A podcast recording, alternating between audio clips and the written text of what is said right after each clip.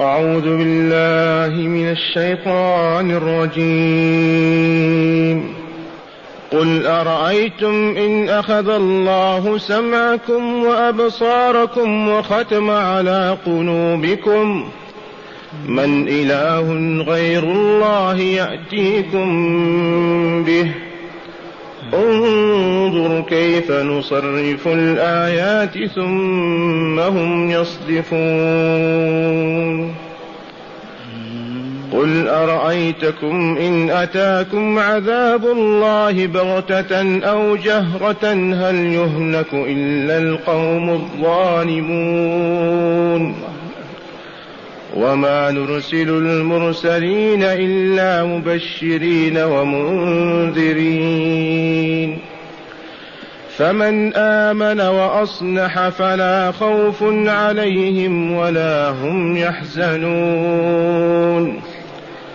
والذين كذبوا بآياتنا يمسهم العذاب بما كانوا يفسقون.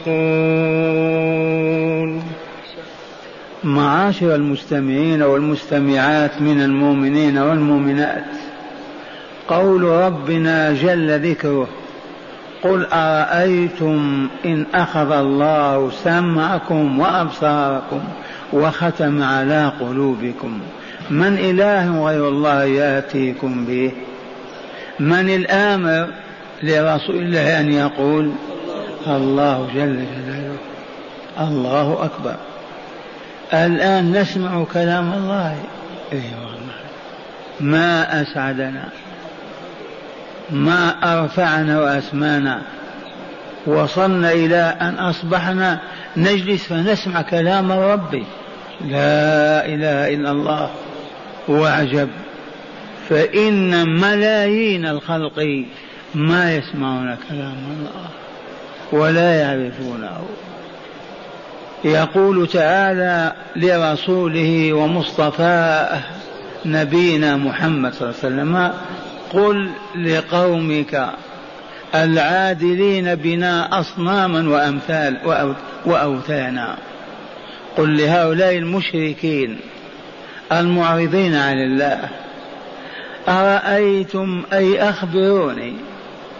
انتبهوا إن أخذ الله سمعكم وأبصاركم ففقدتم السبع فأنتم فأصبحتم لا تسمعون.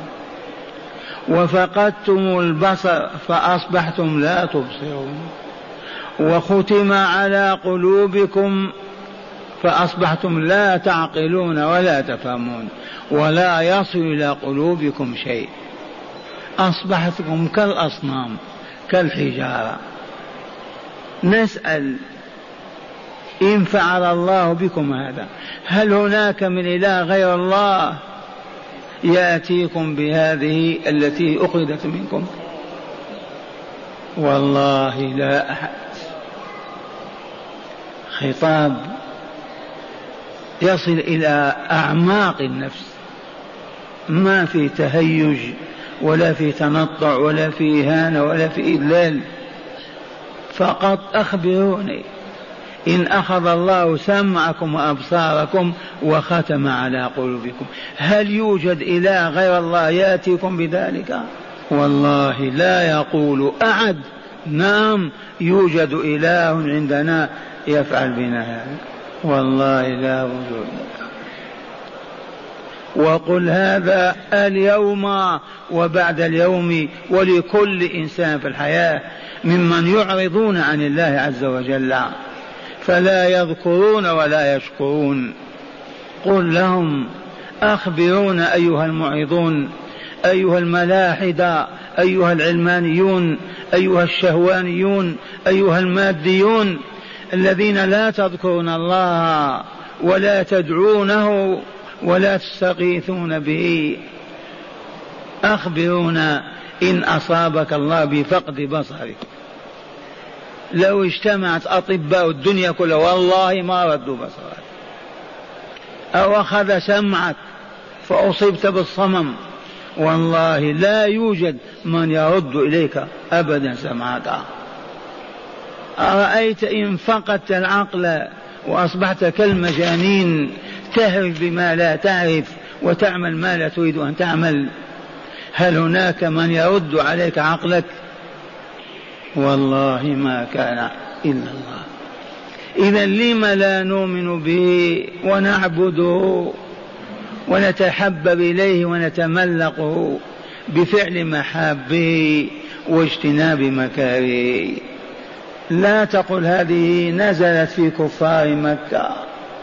هذا كتاب الله للإنس والجن لهدايتهم ما داموا على سطح الأرض. ولن يفقد هذا النور تأثيره إلا يوم يرفعه الله. قل أرأيتم إن أخذ الله سمعكم وأبصاركم وختم على قلوبكم من إله غير الله يأتيكم به؟ الجواب لا أحد لا أحد. أولا لا يوجد إله حق مع الله لا إله إلا هو. والآلهة المدعاة المفترات المكذوبة سواء كانت من الملائكة أو الإنس أو من الأنبياء والرسول أو من الصالحين أو من الجمادات كل هذه لا تملك أن ترد سمعكم وأبصاركم وترد إليكم معيكم في قلوبكم. من إله غير الله يأتيكم به لا أحد والله لا أحد. ثم قال له أي لرسوله ومصطفاه انظر يا رسولنا كيف نصرف الآيات ثم هم يصدفون. يا للعجب انظر كيف نلون الأساليب والعبارات. وضرب الأمثلة المتنوعة. لعلهم يرجعون لعلهم يفيقون لعلهم يصحون. ومع هذا هم يصدفون. يغلقون آذانهم ولا يسمعون. حال تدعو إلى العجب وإلا لا. انظر. ونقتبس من نور الله. إخواننا الذين انغمسوا في المعاصي بيننا يسمعون المواعظ والهداية والآيات والسنة من إذاعة القرآن من الإذاعة يسمعون ويقرؤون ما لهم صادفون معرضون عن بيوت الله وذكر الله منهمكون في اللهو واللعب والباطل والشهوات. ما لهم وقد صرف الله الآيات وها نحن نسمعها ليل نهارا لما نصدف ونعرض ولا نلتفت. انظر كيف نصرف الآيات لا ثم هم يصدفون. ثانيا قل لهم قل أرأيتكم أي أخبروني إن أنت إن أتاكم عذاب الله. أخبروني إن أتاكم أي جاءكم عذاب الله عز وجل سواء بالإبادة والاستئصال أو بفقد السمع والبصر وفساد القلب. إن أتاكم عذاب الله بغتة وأنتم غافلون لا شعور ولا تأمل ولا فكر في نفوسكم. فجأة يأتي العذاب. أو يأتيكم جهرة بعدما تلوح آياته في الآفاق وعلاماته بينكم. أو يأتيكم ليلا وأنتم نائمون أو نهارا وأنتم يقظون تعملون. لا فرق بين هذا وذاك. أخبروني إن أتتكم إن أتاكم عذاب الله بغتة أو جهرا هل يهلك إلا القوم الظالمون؟ الجواب لا والله ما يهلك إلا الظالمون. لأنهم ظالمون بأفحش الظلم وأقبحه وهو أخذ حق الله عز وجل بالعبادة وصرفها للأصنام والأحجار. حق الله الذي ما خلق الإنسان إلا ليعبده بذكر وشكره. يسلب هذا الحق ويعطى لغير الله.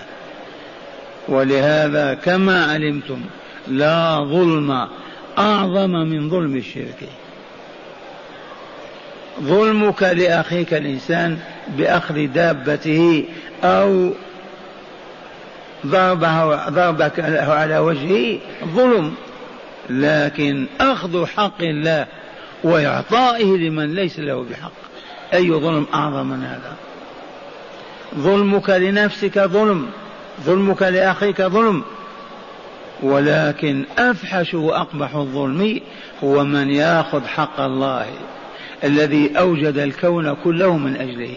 بل أوجدك أيها الظالم من أجل أن تذكره وتشكره. فتعرض عن الله وتكفر وتغطيه ولا تلتفت إليه وتعبد غيره.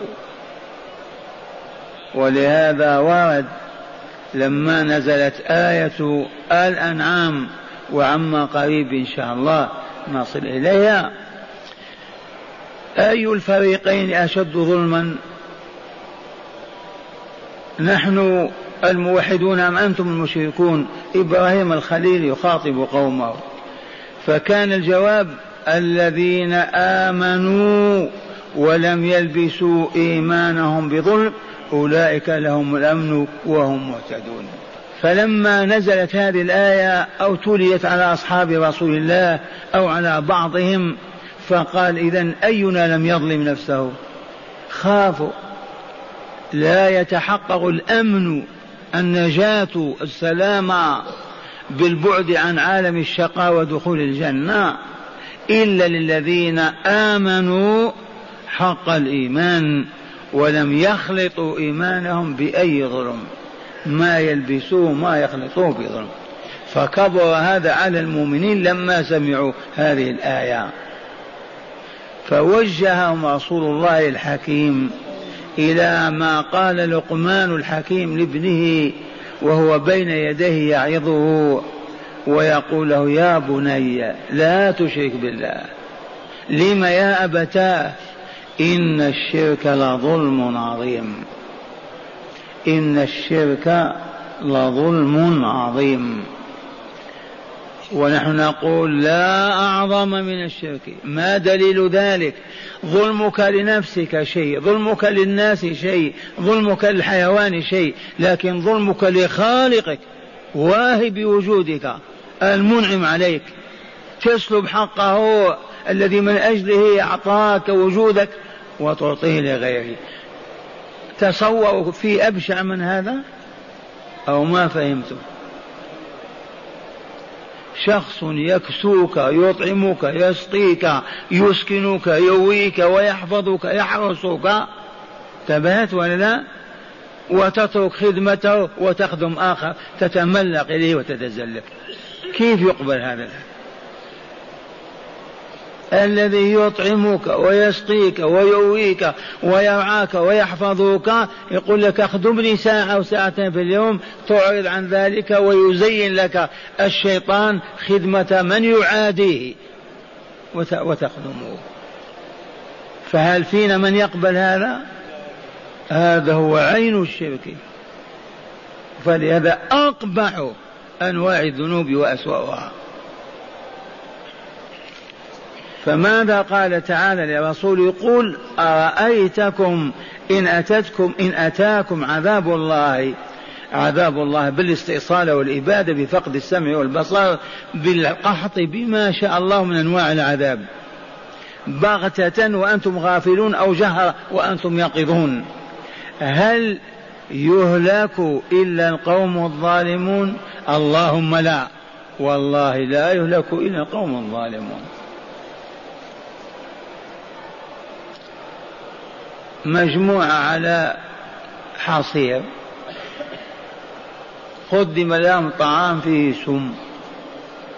وقالوا احذروا من أكله مات. فأكل منهم البعض وترك البعض. فهل يهلك غير الآكل؟ والله ما يهلك إلا الآكل.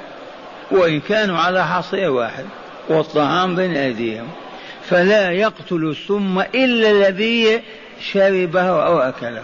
فقط علمنا الله عز وجل إذا جاء عذاب الاستيصال والإبادة للأمم السابقة ينجي الله المؤمنين مع نبيهم ورسولهم يرحلون بيومين ثلاثة من تلك الديار وينزل العذاب بالآخرين. إلا أن عذاب هذه الأمة وهو عذاب غير استئصال ولا إبادة كاملة فإنه إذا كثر الفسق والفجور والشر والفساد في هذه الحال إذا أنزل الله مصيبته بهم يتأذى ويهلك بها الفاسق والبار والصالح والفاسقون هذا جزاؤهم والصالحون يثابون ويؤجرون على هذه المصيبة وترتفع درجاتهم يوم القيامة. قال تعالى واتقوا فتنة من شأنها لا تصيبن الذين ظلموا خاصة. واعلموا أن الله شديد العقاب. وقول الحبيب صلى الله عليه وسلم إذا كثر الخبث أم المؤمنين إما أم سلمة أو زينب تقول أنهلك وفينا الصالحون يا رسول الله؟ مستبعدا وهو يقول ويل للعرب من شر قد اقترب. ثلاث مرات وهو فزع لما شاهد من الغيوم والسحاب والعواصف. قالت أنهلك وفينا الصالحون يا رسول الله؟ قال نعم إذا كثر الخبث. ولهذا نقول فقط لأبناء هذه الديار. أما إخواننا في بلادنا الأخرى الفسق أكثر من من الصلاح بلا مناسبة. لكن هذه البلاد التي كان الصلاة أكثر ويظهر فيها الفسق فنقول اعملوا ليل نهارا على تقليل هذا الفسق تقليل أصحابه وفاعليه بوعظهم بإرشادهم بالاتصال بهم بكل وسيلة فيها رفق ورحمة وعطف. بإبعاد هذه الموجبات للفساد. يا عبد الله أنت لا تدخل الدخان في دكانك من ألزمك؟ يا بائع الفيديو لم تبيع الفيديوهات في مدينة الرسول؟ يا بائع الأشرطة الباطلة من حملك على هذا؟ يا عبد الله المؤمن لما تفتح بنكك في مدينة الرسول؟ عجل. حوله إلى مصرف إسلامي وارفع راسك للسماء ويغفر الله لك ذنبك ويرفع درجتك ويغنيك أكثر مما أغناك. على كل مواطن يعمل على إصلاح بيته أولاده أقربائه حتى نعيش دائما والفسق أقل نسبة من الصلاح. فما دام الصلاح أكثر فالأمن حاصل. لكن إذا جانب الفسق أكثر ننتظر الساعة. لا محالة.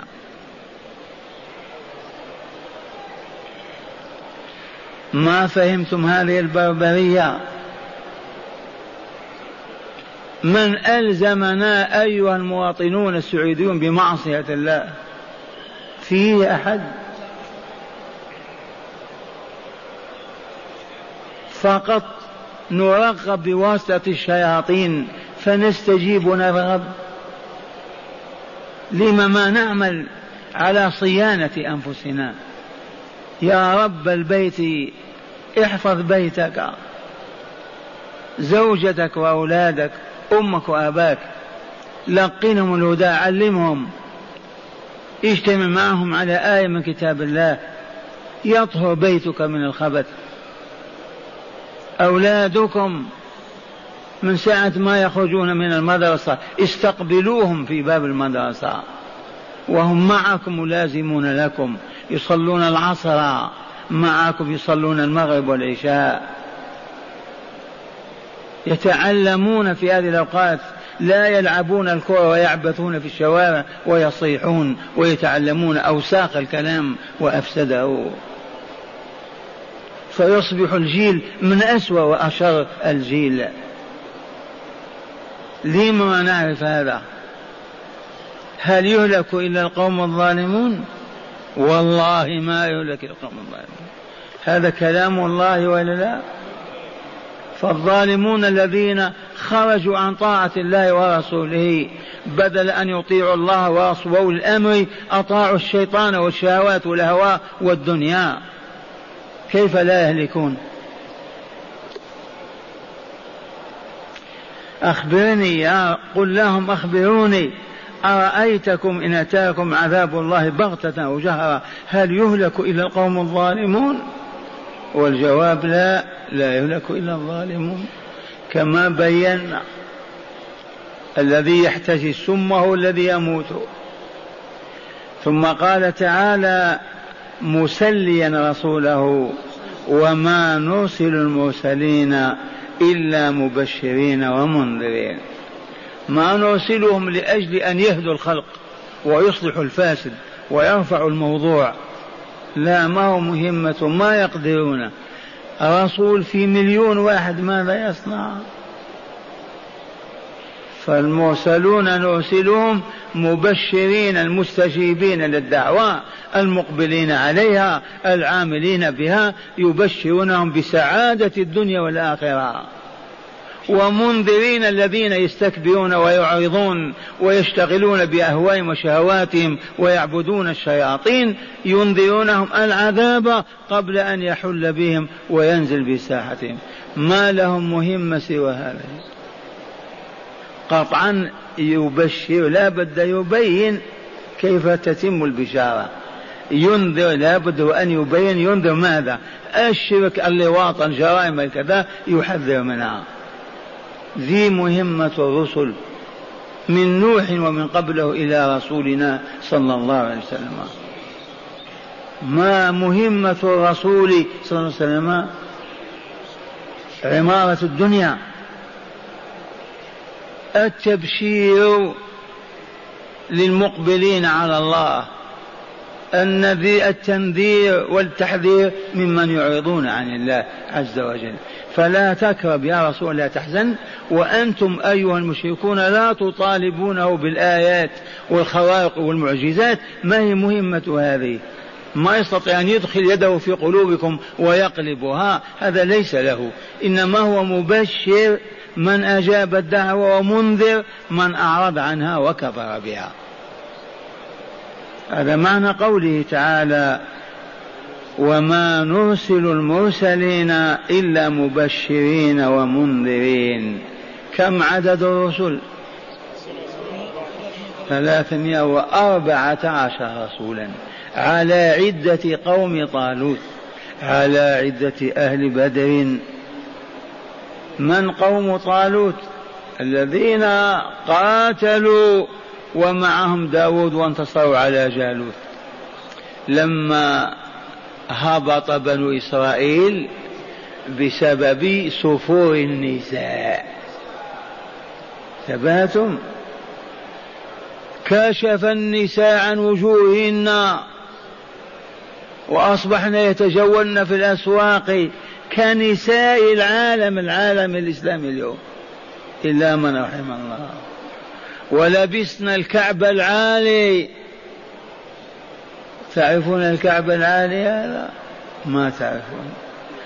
روحوا إلى الدكاكين التي هبط أصحابها.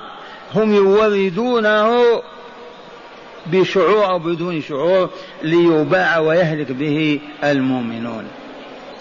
الكعب العالي هذا أول من لبسه نساء بني إسرائيل. الكعب العالي حذاء أسفله رقيق طويل لما تمشي تصبح تتبختر تتمايل. ثبات فيذوب قلب الحابط وراءها. والشيطان هو اللي زين هذا. إذا فلما فسقوا وأضاعوا الصلاة وتعاطوا الربا سلط الله عليهم البابليين. فاجتاحوا ديارهم ومزقوهم وأبعدوهم. مر قرنان ثلاثة نشأت ناشئة جديدة وقالوا هيا نعيد ملكنا وديننا وسيادتنا. فأتوا أحد أنبيائهم والأنبياء فيهم بالآلاف. حزقيل قالوا قال أنا أخاف ما تستطيعون. ما تقدرون على أن تقاتلوا. شاهد فيهم الهبوط والخلاف والفرقة والفسق كيف آلحوا عليهم. فعين لهم بأمر الله طالوت يقودهم. لما عين طالوت قالوا كيف يكون له الملك علينا ونحن أحق بالملك منه ولم يؤت ساعة من المال؟ ما تولي علينا قائد من هذا النوع اطلبنا الأشراف وأهل المقامات. إذا وألزمهم بهذا. وقال هذه الآية التي تدل على أن الله هو الذي اختاره لكم أن يأتيكم التابوت من السكينة ويأتيكم التابوت اللي فيه بقية من بقايا موسى وهارون من دار الكفر من عاصمة البابليين. وجاءت فشاهدوها معجزة خارقة. فآمنوا مشوا أربعون ألفا. امتحنهم في الطريق قبل وصولهم إلى نهر الأردن.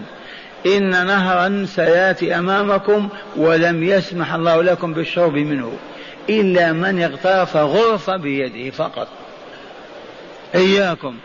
لما وصلوا إلى النار أكبوا عليه كالبهائم يشربون فلما شربوا هيا انهزم منهم كم بقي؟ ثلاثمائة وأربعة عشر رجل والباقون كلهم انهزموا. ما يستطيعون القتال ما نقاتل كيف نقاتل هذه الأمة وكيف وكيف؟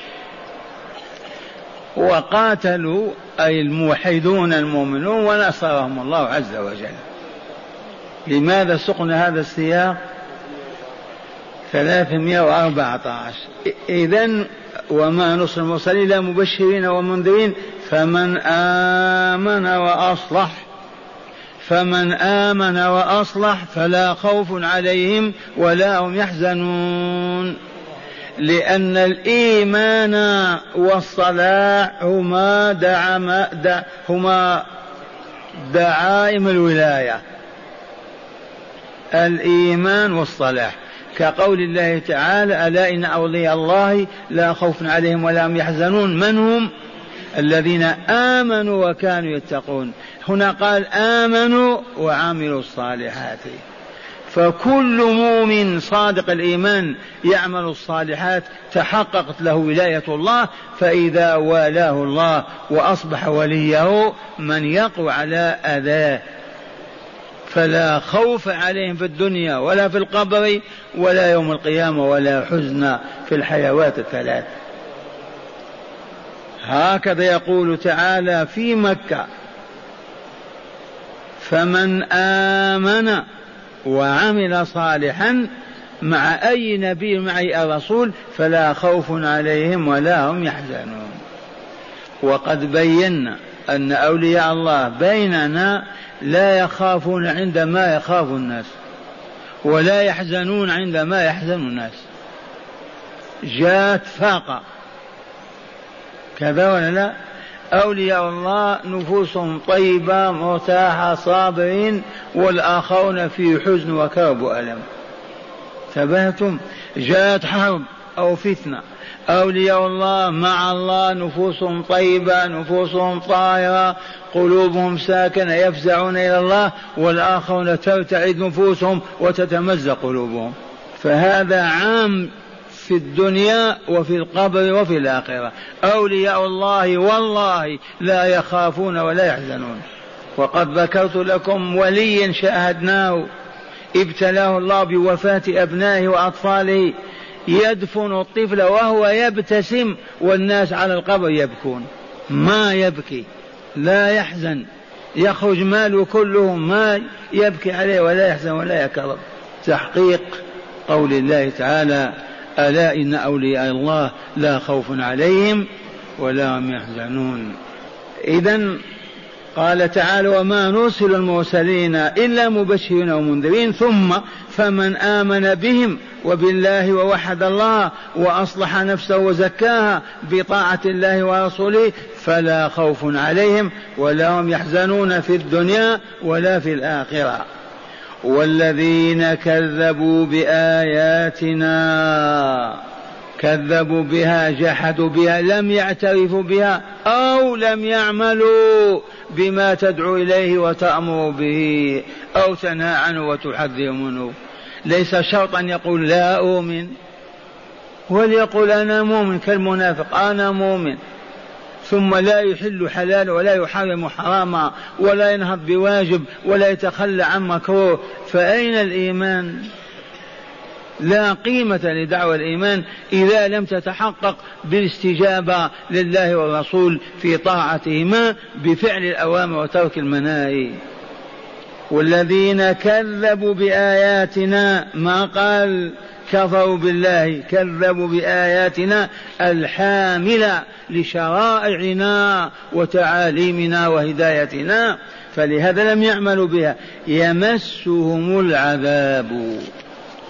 يمسهم العذاب أي عذاب الدنيا والبرزخ والآخرة.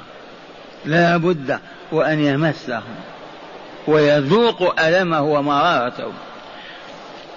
ثم قال تعالى مبينا العلة بما كانوا يفسقون أي بسبب فسقهم فالباء سببية أي بكون بما كانوا يفسقون. ما معنى يفسقون؟ يرقصون ويغنون يلهون ويلعبون يشركون ولا يوحدون يعصون ولا يطيعون. الفسق هو الخروج عن طاعة الله ورسوله. أتدون ما الفويسقة الفارة سماها الرسول فويسقة لأنها تفسق وتخرج عن أهل البيت في الليل فتفسد عليهم طعامهم أو ضوءهم. إذا فكل من ترك واجبا متعمدا وهو قادر عليه أو فعل محرما بدون يكره عليه فقد فسق أي خرج عن الطاعة. فإن فسق في الأمر كله والنهي كله فهو الفاسق بأل الدال على الوصف العريق المتين. ففرق بين فاسق وبين الفاسق. فاسق فلان فهو فاسق بترك معص... بترك واجب أو فعل معصية. لكن الفاسق ذاك الذي أعرض عن أحكام الله وشرعه وأخذ لا يلتفت إلى أمر يقوم به ولا إلى نهي ينتهي عنه ويجتنبه. اذا قال تعالى والذين كذبوا بآياتنا يمسهم العذاب. لماذا؟ بمجرد التكذيب. لا لا. لأن التكذيب يحول بينك وبين فعل مزكية النفس. الإيمان لما نبدأ به أولا. إذا آمن العبد أصبح قادرا على أن يزكي نفسه بأدوات التزكية والتطهير. لكن إذا كذب يستعمل أدوات التزكية ما يستعمل. إذا فالذين كذبوا ما استعملوا. أبدا والله يقول بما كانوا يفسقون. ما استعملوا أدوات التزكية والتطهير. معاشر المستمعين والمستمعات عرفتم أن زكاة النفس ضرورية ولا لا؟ قد أفلح من زكاها وقد خاب من دساها. فلنعمل على تزكية أنفسنا بالإيمان الصحيح والعمل الصالح بعد الإبعاد الكامل عن الشرك والكفر والفسق والفجور. وبذلك يتحقق الهدف لمن طلب الله ومشى يطلب هدايته. المستمعين للآيات هذه هداية تأملوا هل تهتدون إليها؟ أولا افتقار العبد إلى الله. في سمعه وبصره وقلبه صح ولا لا؟ أو نملك نحن أسماعا وأبصارنا وقلوبنا؟ افتقار العبد إلى الله في سمعه وبصره وقلبه وفي كل حياته. هذا الافتقار هذا العجز هذا الضعف موجب عليه عبادة الله وحده. فما دمت عاجزا على حفظ سمعك وبصرك وقلبك. إذا فاعبد الذي يحفظ لك, يحفظ لك ذلك ويهبه لك. منين أخذنا هذا؟ قل رأيتم إن أخذ الله سمعكم وأبصاركم وختم على قلوبكم من إله غير الله يأتيكم به؟ لا أحد. ثانيا هلاك الظالمين لا مناص منه عاجلا أو اجلا. والله العظيم.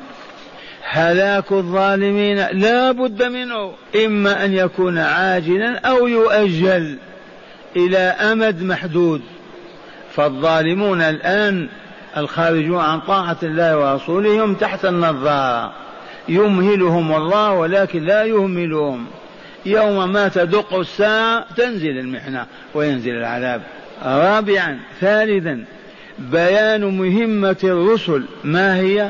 البشارة إذا ما معنى البشارة؟ تبشير من أطاع بالمستقبل الحسن والسعادة في الدنيا والآخرة. والنذار لمن؟ لمن عصى وكذب وأعرض. ذي مهمتهم. قال بيان مهمة الرسل وهي البشارة لمن أطاع والنذار لمن عصى والهداية والجزاء على الله تعالى. على الرسول البشارة إذا أما الهداية من يقوم بهم والجزاء من يجازي العبادة؟ الله ما هو الرسول؟ حاشا الرسول. ما هي مهمتهم أبدا؟ لا جزاء وإنما مهمتهم البشارة والنذار.